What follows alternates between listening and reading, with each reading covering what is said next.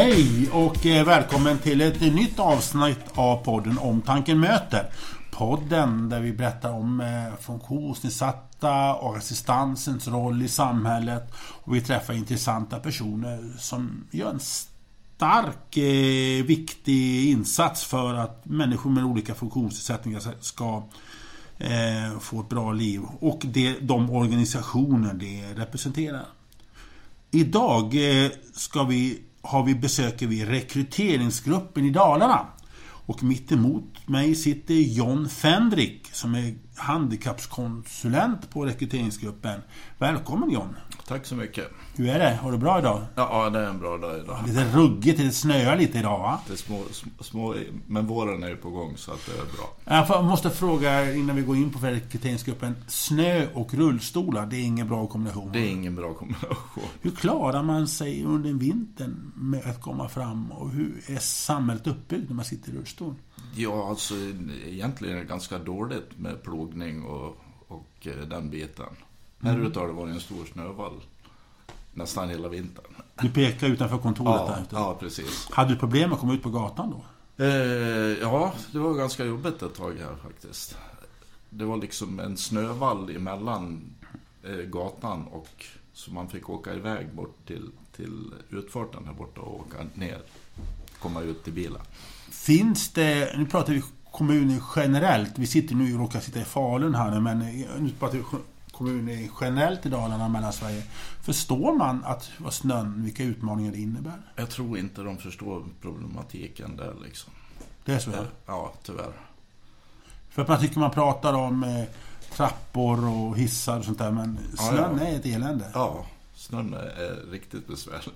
Kan det till och med vara så att många som sitter i rullstol inte kommer ut tillräckligt mycket under vinterhalvåret? Jag kan tänka, det är många som drar sig för att ta sig ut. Jag drar mig också vissa dagar. Det, det är ju så. Det är så? Ja. Du, jag ser lite på dig. Du verkar vara duktig på rullstolen. Du kan hantera den. Ja, jag har ju 40 års erfarenhet ja. efter motorcykelolyckan. Ja. Alltså. Så. Vi kommer tillbaka sen vad ja. dig. Men rekryteringsgruppen. Eh, vad handlar det om för någonting egentligen? Vad gör ni? Eh, I grunden så, så söker vi ju upp eh, ryggmärgsskadade. Mm främst. Mm. Eller sådana som använder manuell rullstol under ett dygn. Ja. ja. Och försöker att eh, förbättra deras tekniker.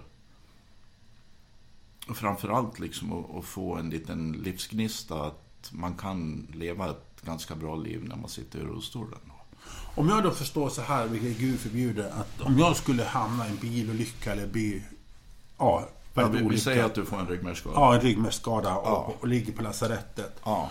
Och sen så ska, då säger läkaren... Där kommer, där kommer oftast den första eh, personalen här uppe på rehab i Falun då. Ja. De tar ju kontakt med dig och frågar om du vill ha besök av någon ifrån rekryteringsgruppen. Ja. Och då, kommer, och då ligger jag helt, oftast, oftast är du, ledsen, förtvivlad och sådana saker. Du har ju varit med om bland det värsta i hela ditt liv. Ja. Troligtvis. Ja. Så att... Eh, ja, eh, jag kommer ju upp oftast i samband med någon sjukgymnastträning eller med eh, arbetsterapeuterna. Då. Och eh, ge lite tips och råd hur, hur, man, ja, hur man klär på sig, hur man gör förflyttningar från säng till rullstol. Eh, jag är väldigt liksom så här, det är lättare för mig att visa än, än för en sjukgymnast att berätta tio gånger. Så här ska du göra förflyttningen, men jag kan komma dit med min egen skada och sen visa dig direkt att så här går det till. Men du, eh, John, du kommer till en person ja. som har precis fått ett besked att du kommer inte kunna gå. Nej, oftast så har det ju gått två, tre månader. Där ja, men ändå det tar ju ändå ja, ja, tid. Ja, oh, ja. Jag kan tänka mig att det där är... Du kommer väldigt ömtålig situation i livet in i en persons liv, eller hur? Ja, det gör jag. Ja. Eh, det är ju så olika hur folk tar det, det också. Ja. Men... Eh, kan du berätta spännvidden hur folk tar det? Ja, det är från att de sitter helt tyst och stirrar till att de de pratar på i, så att man inte nästan får en syl i vädret. Ja. Att de vill berätta allting vad som har hänt. I, liksom hur olyckan har gått till och eh, alla komplikationer som har uppstått då. då. Men eh, handlar det också om att rekryteringsgruppen och du i långa loppet att bli liksom en livsgnista? Eller är de, har du tappat många som tappar livsgnistan och känner att... Det är ju många som... som det är ju, det är, att få en ryggmärgsskada är ju nästan som att, att, att bli ett nyfött barn. Så här, liksom. Ja. Du måste ju lära dig allting igen. Eh, klä på sig, sköta hygienen, eh, magen, urinvägar. Allt sånt där är ju jättejobbigt för en vuxen människa att, att börja på igen. Mm. Liksom. Att gå tillbaka till barndomen mer eller mindre.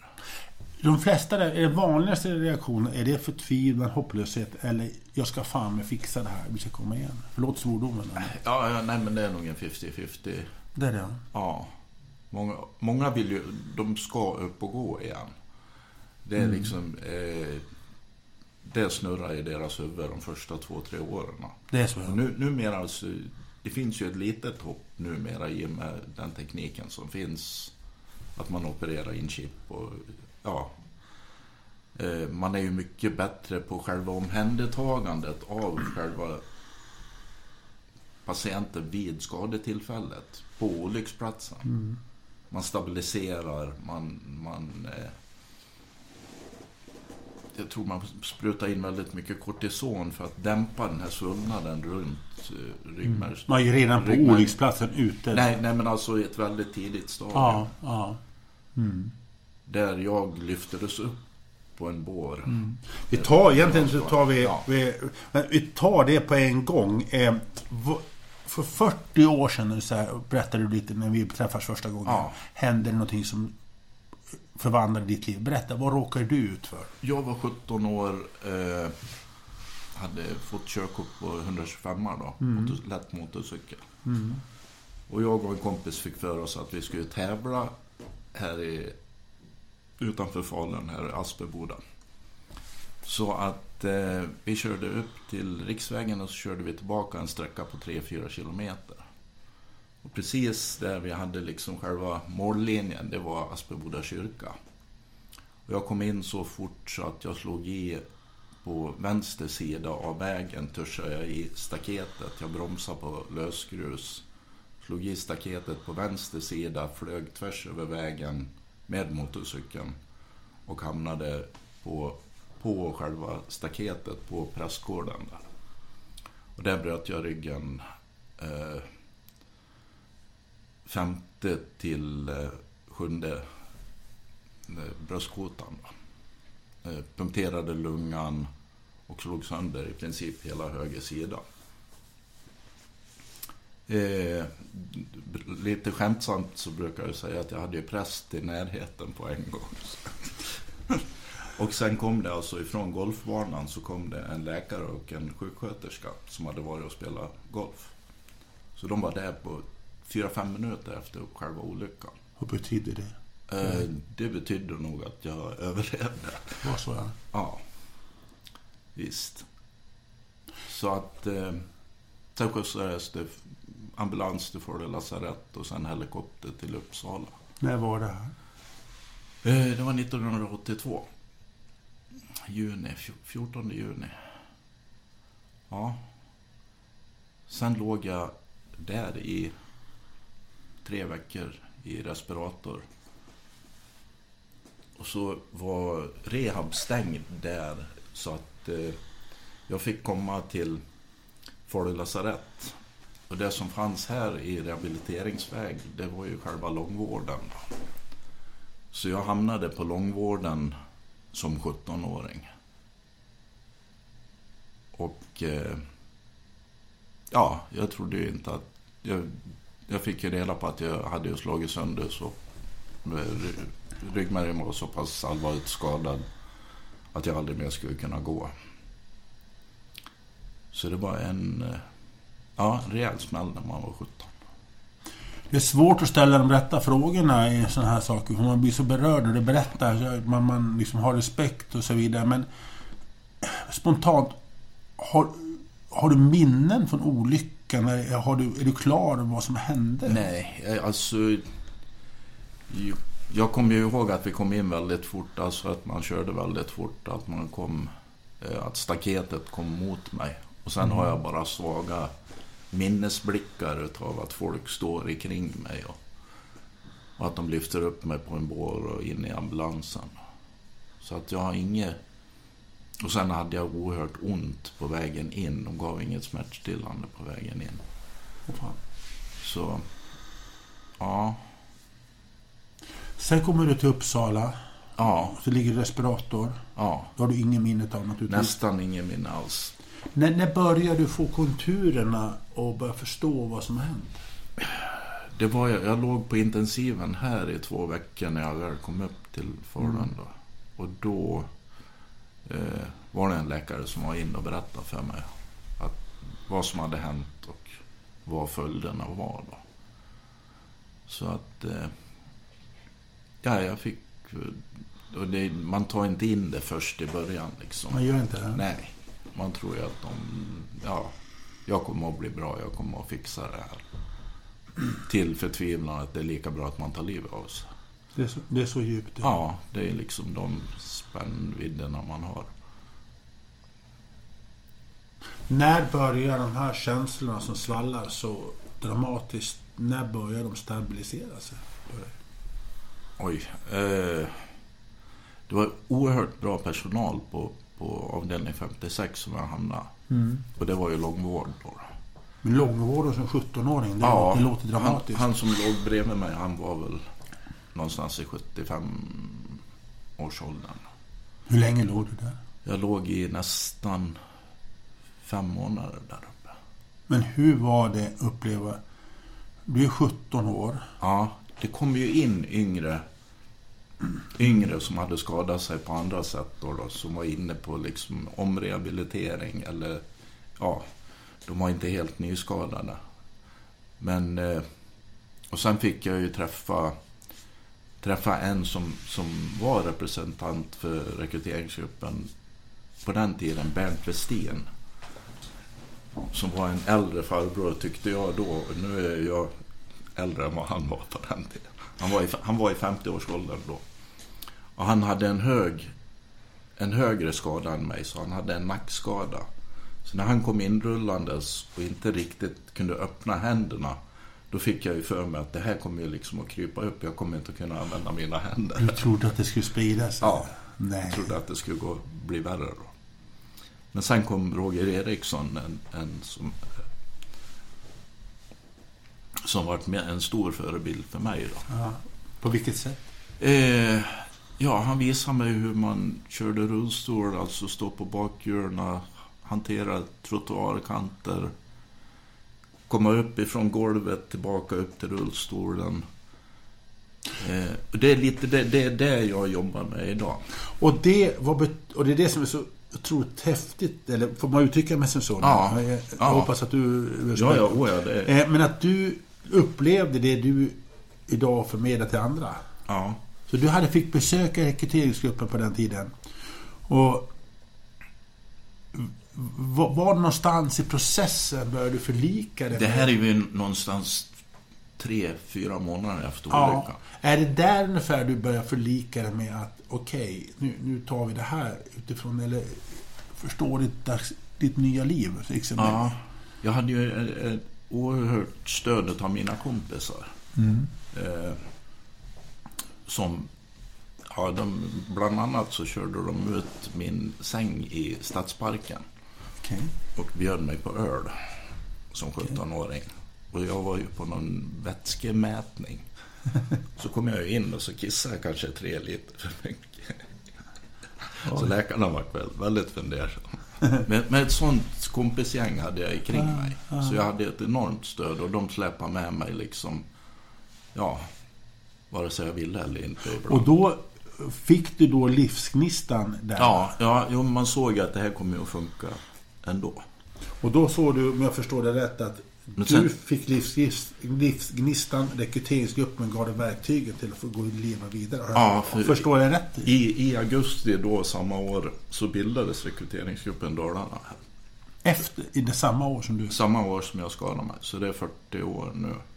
Men, men vi tar lite historia. I Ja. Sverige rekryteras de 1976, tyckte du? 76 började de i Stockholm. I samband med då? Eh, I samband med eh, idrottstävlingar, att man såg att folk hade så...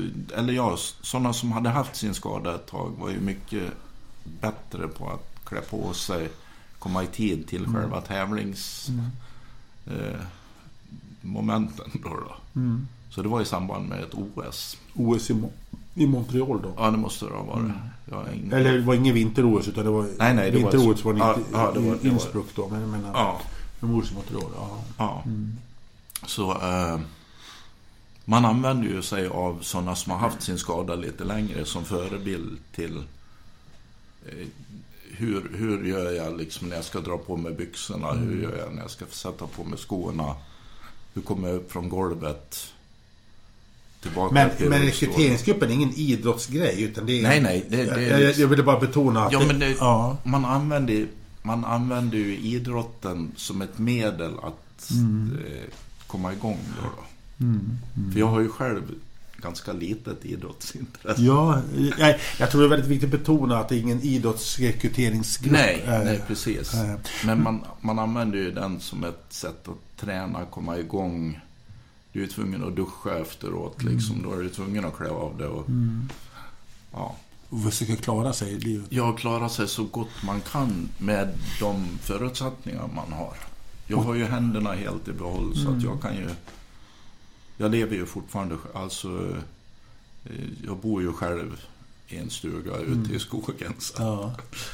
Men det finns de som behöver personlig assistans. för Ja, o ja.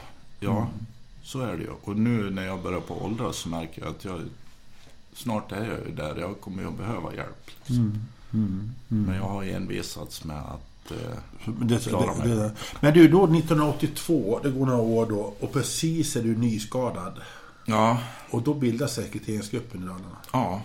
Det råkade av en händelse, eller var det, var det planerat så länge? Precis. Nej, det var väl... De hade väl pratat... Roger hade... Eh, Roger Eriksson och Bernt Westin, bland annat. Eh, hade väl pratat med dem nere i Stockholm om inte man kunde bygga liksom, eller... Föra tanken vidare hit då, till rekryteringsgruppen Dalarna. Och det, det gjorde vi. Vad betydde rekryteringsgruppen för dig i den första tiden? Alltså, I ditt nya liv, så att säga? Jättemycket. Alltså eh, läger. Vi hade läger uppe i Sälen. Man blev ju ganska snabbt. Jag vart ju väldigt snabbt duktig på att åka rullstol då. Det, alltså rent tekniskt, inte tävlingsmässigt. Utan ta mig upp för trottoarkanter, trappor. Ja. Och samtidigt så fanns det ju ett helt gäng med ungdomar från habiliteringen här, i, här i kring som var med och tränade. Så vi var väldigt många som... Vi var nog en, mellan 15 och 20 stycken. Rekryteringsgruppen är det du får träna och allt det på. Är det en viktig grej för att man mentalt ska orka komma tillbaka också? Ja, du behöver ju liksom både det fysiska och sen behöver du ju... Du behöver ju liksom den här sociala utbytet med sådana som har liknande skador. Och det är väl där vi kan göra största insatsen. Är väl både att eh, när man har tränat eller när man håller på att spela pingis så sitter man ju och pratar om, om diverse små problem som kan uppstå liksom. För mig som gudskelov inte har drabbats av detta och så vidare. Men en fråga som bara kommer spontant. Kommer man någon gång över mentalt det som drabbat en? Kan man förlika sig någon gång med det här drabbade mig? Eller går man någon slags bitterhet som gnager någonstans i långt inuti? Det där har gått väldigt upp och ner faktiskt. Eh, ibland kan jag jag tror inte, idag är jag inte så bitter över själva eh, att jag hamnar i rullstol. Men jag har ju varit där till och från. Det har varit det? Men, men det går väldigt upp och ner och jag tror de första... Det tar liksom två, tre år innan man eh, innan man kommer till en acceptans att det här måste jag verkligen lära mig. Det här, det här måste jag fixa. Annars, annars är livet kanske inte värt att leva. Mm. Mm. Menar du att man då måste försöka komma över med det här mentala jobbet? Det är, det är lika viktigt med mentala va? Ja, ja, oh ja. Det, det mentala är ju liksom... Eh, det är väl det som du måste orka komma tillbaka i. Att nu är, nu är situationen så här, nu måste jag göra det bästa utav det. Vad kan rekryteringsgruppen bidra med i det mentala? Det är just det här att du får utbyta liksom erfarenheter och tankeställningar. På, ja, du kan ju se liksom, jag som har varit skadad i 40 år. Om jag träffar någon som har varit skadad i fyra månader. Jag har ju en enorm kunskap som jag mm. kan dela med mig av. Framförallt de misstagen man har mm. gjort. Mm. Så man får ju liksom... Och även ja, hur man har lärt sig att göra de här olika sakerna.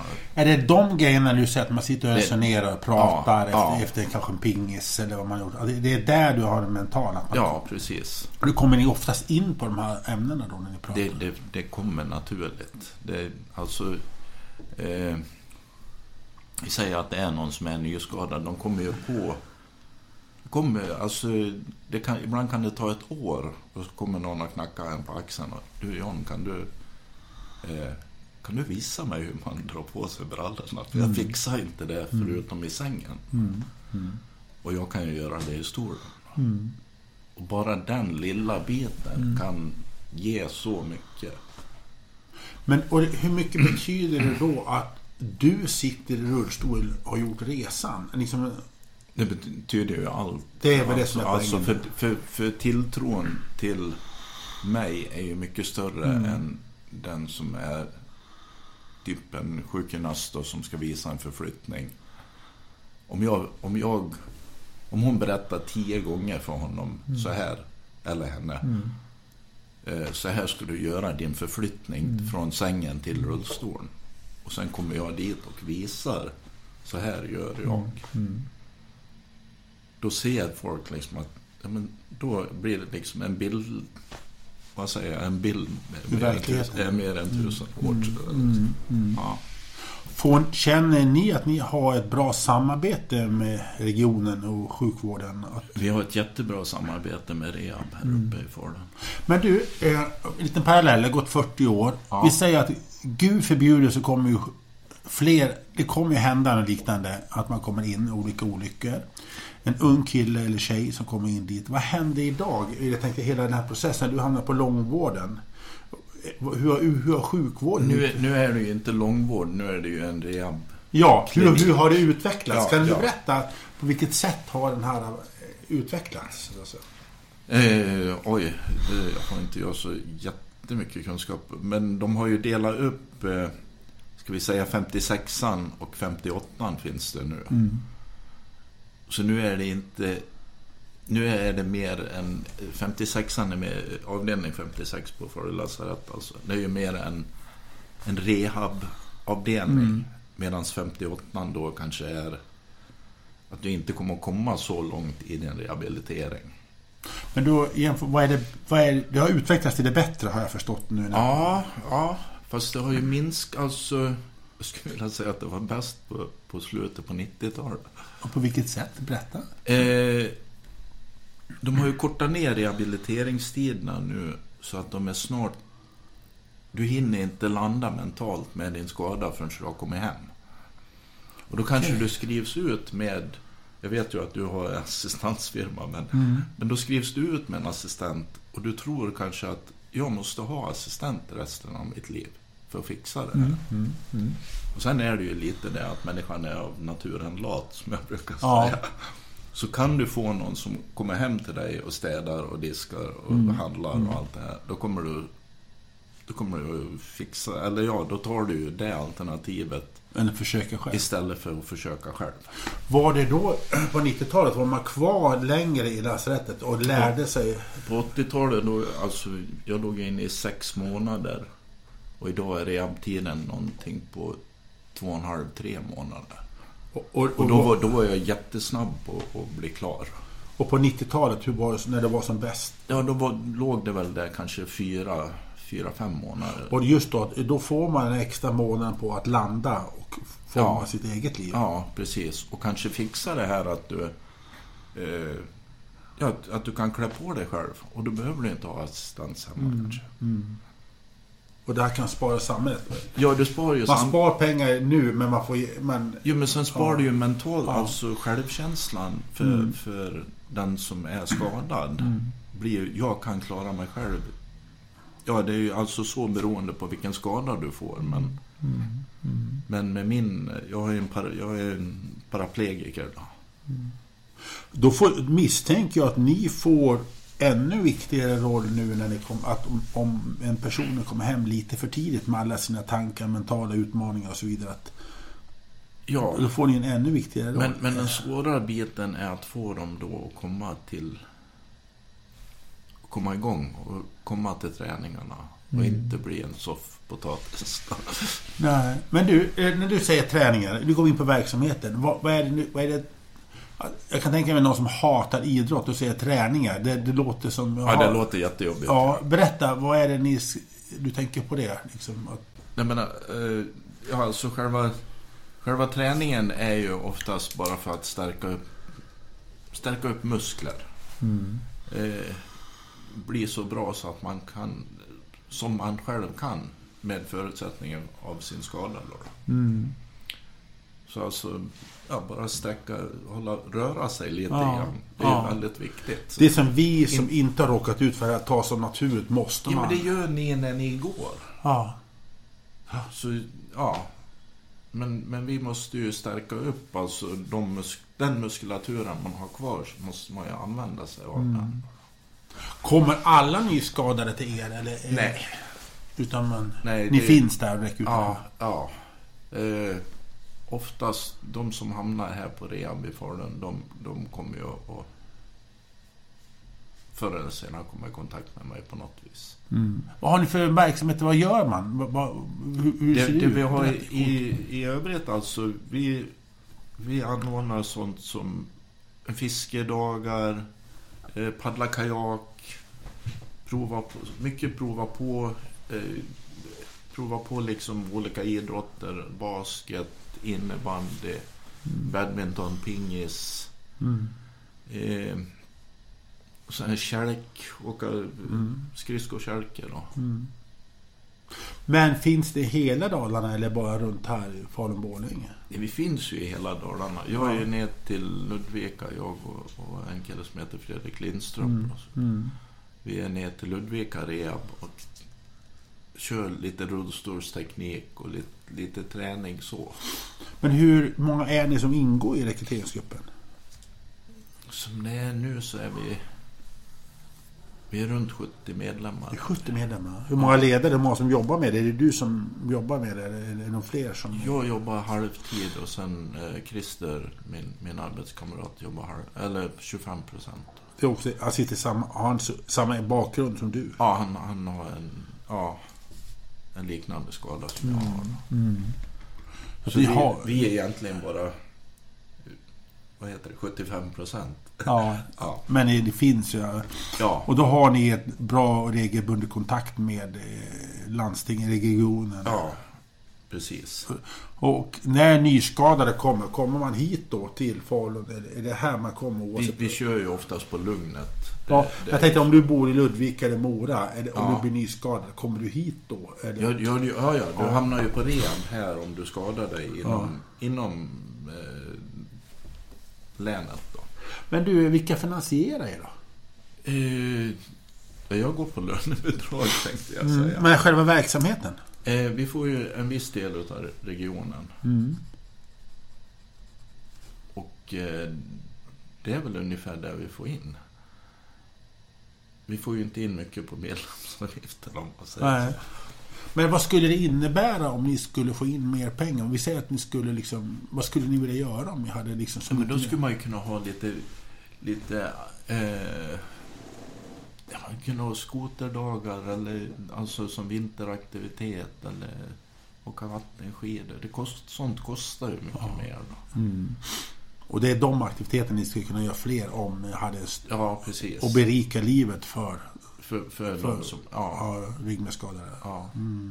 Jag älskar ju att fiska till exempel. Ja. Och då har jag en kompis nere i Norrtälje som har byggt en båt som är helt anpassad. Som heter Jonas Nilsson. Och, eh, det, jag var nere och fiskade havsöring nu för två veckor sedan. Ute en hel dag. Vi kommer på, alltså båten är helt anpassad. Han sitter själv i rullstol. Eh, vi är ute och tävlar, liksom laxfisketävlingar. Och just det här att, att hitta tillbaka till, till någonting. Det är väl det som är, är vår viktigaste uppgift, ser jag det som. Att har man för, fått en skada, att försöka komma tillbaka till någonting normalt liv eller dina gamla intressen. Då. Jag älskar att åka motorcykel också. Jag har byggt om en trehjuling så jag åker ju Du fortfarande. kan åka. Ja, jag kör ju fortfarande. Och det är det här som är väldigt viktigt, att man kommer ut och får toucha sina gamla intressen och så vidare. Ja, och sen att, att som nyskadad eller som... Eh, ja, även barn och ungdomar som har medfödda skador ser ju att kolla, det går ju att göra det här. Det här kan jag, det här kan jag fixa. Va? Oftast är ju föräldrarna till, till barn som har, har ryggmärgsbråck eller liknande skador är ju väldigt bromsande. För att de är ju... De tror att barn är gjorda av någon form av porslin så här. Men man, man kan tappa... Det, det är så. Det är ett, Man, man kan tappa dem i backen, det är ingen fara liksom. Eh, Känner du så att det är föräldrar ibland? Ja, ibland är det ju verkligen liksom så här, släpp ungen så här. Så. Ja, Låt han slå runt med rullstolen, han kommer inte att dö av det. det är så. Ja. Så att det, Och det, får, det, det, handlar det, också... kan, det kan ju också vara en vik- viktig Ni har en dialog med... Ni har en dialog med, eh, med föräldrar. anhöriga också. Ja, Föräldrar. ja. ja det, det, kan ju alltså, det kan ju gälla en, en... Lika väl som det gäller ett barn så kan det ju gälla en, en vuxen, en fru eller en, en man liksom. Att, nej men gud, han kan, kan ju slå sig igen liksom. Ja. Det är inte samma våld. Nej, nej, nej, nej, nej, nej. Trillar jag baklänges ur rullstolen så är det inte så farligt. Han måste få ramla för att gå vidare. Ja, du måste ju få det. Det är som att lära sig att cykla när man ska lära sig att stå på bakhjulen. Ja, Du kommer att ramla, du kommer att gilla det. Det är så det Eller du om. kommer inte Ja. att gilla det så mycket, men, men du kommer att ramla. Vilken form av tacksamhet möts ni utav? Kan du beskriva? Jag kan tänka mig att det måste vara väldigt många som är tacksamma för det ni gör. Ja, Berätta om den. oj. Det har jag, jag har ju svårt att ta emot. Så. Ja, men eh, om jag ber dig. Ja, eh, nej men det... Man märker ju på folk alltså. Jag kan ju märka det på folk som... Som jag har varit en, en förebild till. Som går vidare och, och ännu går ännu längre vidare så att säga. Som har- tränar så pass mycket så att de hamnar med i OS och ja, blir riktiga, vad ska man säga? Men det är ju med tacksamhet i vardagen. Möts du av den tacksamheten att man, får, man kan ta på sig kläderna själv och den vardagslivet? Det har jag nog. Jag har aldrig reflekterat över. Eller ja. Jag har ju hört liksom tack för att du visade mig hur du gjorde det. Men jag har svårt att ta emot det där. Men du, men du förstår betydelsen av det du gör? Ja, det gör jag. Det tror jag.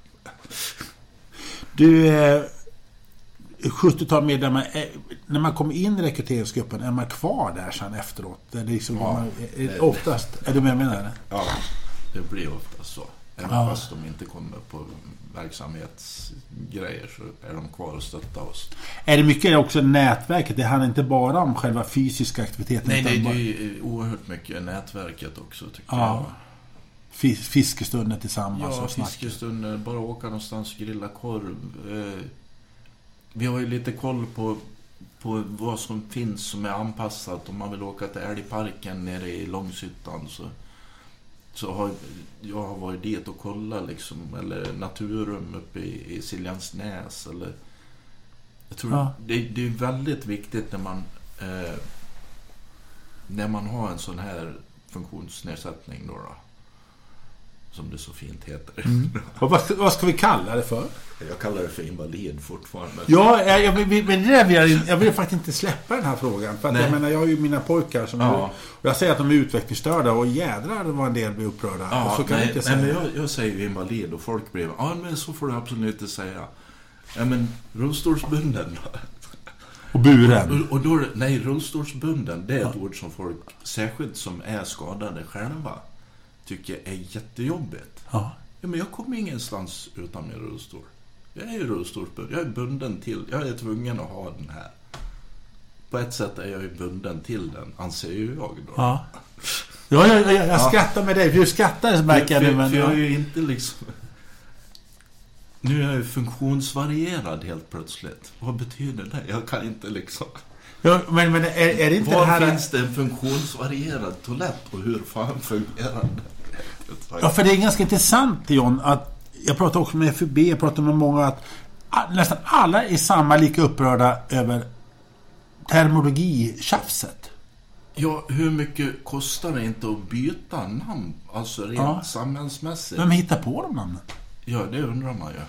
Ja, för, för jag säger så här, jag, jag behöver inte säga vilket sammanhang det var, men jag skrev ju en inbjudan, håller på med då, mina pojkar då, jag skrev att de är utvecklingsstörda. Och då fick jag liksom, nej men så kan du inte skriva. De är ju det. Ja. De är ju utvecklingsstörda. Ja. Jag skulle ju aldrig förne, förminska eller förnedra mina barn. Nej. Men då skulle man ju då ha psykisk funktionsnedsättning. Det, det, Ja. Nej, men så länge som, som alltså, samhället är oerhört otillgängligt för rullstolar. Det är liksom det är inte byggt för... Nej. Jag är ju tvungen att gå in bakvägen jämt ja. på krogar och, och du får gå den här vägen, du får använda den där rampen. Och sen nu när man bygger nytt till och med så gör man då gör du en jättetrappa så här liksom som folk ska gå i. Varför gör man inte bara en ramp helt enkelt? Mm. Hur enkelt som helst.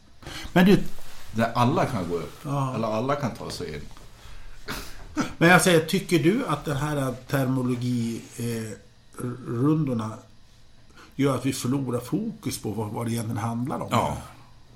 Ja, det ska låta jävligt vackert men, men det är liksom... Sen när det kommer till kritan så kommer jag inte in på hälften Nej. av affären. Och är det de här terminologifundamentalisterna, om jag får uttrycka mig lite Ja, så här ja. provocerande. Ja. Är det de, är, de är oftast inte riktigt inne i branschen, så att säga. De är Nej, inte nej, drabbade. de har ju ingen skada själv. De Nej. eller annars så har de någon annan skada. Ja. ja, så ska vi inte säga. Men eh, vad heter det? Jag tänkte bara så, så, vi, Tyvärr så har vi ett krig i Ukraina. Ja, Vi pratar om skyddsrum. Jag såg någonstans att det finns... Skulle det bli krig här, vilket Gud förbjuder, det- f- personer med rullstol Ja. kommer inte ner i skyddsrummen. jag, jag har ju... Eh, alltså, jag har ju jobbat mycket i samarbete med rekryteringsgruppen. Eller nu heter de RG Aktiv Rehabilitering i Stockholm. Då. Så där samlar man ihop varje... Vid två tillfällen varje år så samlar man ihop ett gäng ryggmärgsskadade. Då. Och så kör man träning på Bosön. Som är riksidrottslägret. då. Och i samarbete med det förbildsjobbet så har jag eh, både fått vara som instruktör där men även i en, i en internationell grupp. Bland annat i Ukraina. Så jag var på Krim 08. Och, och alltså instruera ukrainska eh, ryggmärgsskadade hur man kör stål. Då. Och även, varit i Grekland flera gånger och kört liknande. Vad tänker du då? I, i, i liknande... Ja. Eh, jag har hållit på att samla in massor med grejer och skicka ner till dem. Katetrar, blöjor. Du gör det? Ja. Ja, ja, ja jag har skickat iväg tre sändningar redan liksom. Med, med kartonger. ja. Så nu står det ett gäng kartonger där. Så du känner liksom att du... Jag har kommit i kontakt du- med en, en tjej nere eh, i Simrishamn som är ukrainska själv och, kan, och själv har en egen skada. Som kan vidare skicka det här så att det kommer till sådana som är ryggmärgsskadade nere där. Tyvärr så kommer antalet ryggmärgsskadade bli ganska många nu. Då. Krig är ju faktiskt... Eh, det blir väldigt mycket skador, alltså bland annat ryggmärgsskador. Mm. Så ja, det kommer att öka. Och här, vad säger du om just... Hade ändå glömde med svar med skyddsrummet. Var, var, varför kan man inte ha skyddsrummen? Han är i Sverige till exempel, som är ett sånt modernt land. För... Som är anpassat? Ja. Nej, nej. Vad säger du om det? Ja, det, det är hemskt. Det är liksom... Det, det är diskriminerande Mm. tiden. Det, det är ju sånt som... Eh, ja. Men du, vi hoppar tillbaka till Ukraina igen. Eh, finns nästan, tänk om man hade någon form av rekryteringsgrupp i Ukraina. Det finns alltså ett, en motsvarande... Det finns det? Ja, det finns i Polen, det finns i eh, Belarus, det finns i Ukraina, det finns i Grekland, det finns i Botswana. Alltså själva grundidén, Ja. Norge, bland annat. Norge, Ja. Danmark, ja. Men själva grundtanken kommer ju på det här sättet att förena idrotten med med eh, ja, en, vad ska man säga, jag vet inte, mentorskap liksom. Så den här förebilden som var i Sverige 76, den finns nu runt om. Ja, den har spridit sig. Har du kontakt med rekryteringsgruppen idag i Ukraina? Nej, inte direkt någon. I Grekland har jag kontakter kvar då. Där har jag varit mest. Jag var bara i Ukraina i 14 dagar. Och, Men det här är någonting ni vill i Sverige försöka etablera kontakt och stöd med Ukraina? ja, För en men dag det, så men hoppas det, vi det, det är alltså rehab, eller det är ju eh, RG aktiv Mm. rehabilitering nere i Stockholm som har som har en internationell grupp som, Mm. som jobbar liksom med Ja, Du, vad ser du framtiden med då? Hur ser du med den? Jag går i pension. Du går i pension. Nu tänker jag, nu tänker jag på... Du får leva ditt liv. Jag, jag vill gå i pension och resa. Ja. Men jag tänker på rekryteringsgruppens framtid. Ja. Eh, vi har ju lite svårt just nu att få, få folk att komma på träningarna. Det är så? Efter coronan vart det ännu, eh, ännu mycket jobbigare liksom. Folk, folk verkar inte komma igång. Och det är ju samma sak med... Jag vet inte om, om, eh, om alla de här apparna och Facebook-sidor och sånt där har, har fyllt en del utav kvoten. Liksom att man kan fråga och... Men du menar Man- att, man kan att få men, men du menar då att pandemin när man då satte sig då liksom för, ja, Ja. isolerade sig att, Ja, att nu när samhället öppnar upp de, de, de sitter i rullstol, de kommer inte med i matchen riktigt nu. många, många har ju... Nej, men alla föreningar har ju svårt nu. Ja. Men i synnerhet Komma sådana som Ja. re- rekryteringsgruppen. Alltså. Ja, tyvärr. Vad gör ni med det här då? Ja, vi försöker ju mana på liksom att nu... Vi har ju en Facebook-sida där vi försöker att lägga ut vad som händer och när det händer. Eh, men ja, det är svårt att få folk Hur att komma. skulle ni vilja ha, skulle ni få hjälp eller vad skulle ni få, hur skulle ni vilja agera? Vi, vi har ju varit i kontakt med habiliteringen och deras barn, alltså barn som är, är inskrivna på habiliteringen är jätteväl välkomna upp på våra träningar på tisdagar här på Lugnet. Det är tisdagen som är den stora dagen. Ja, Vilken tid?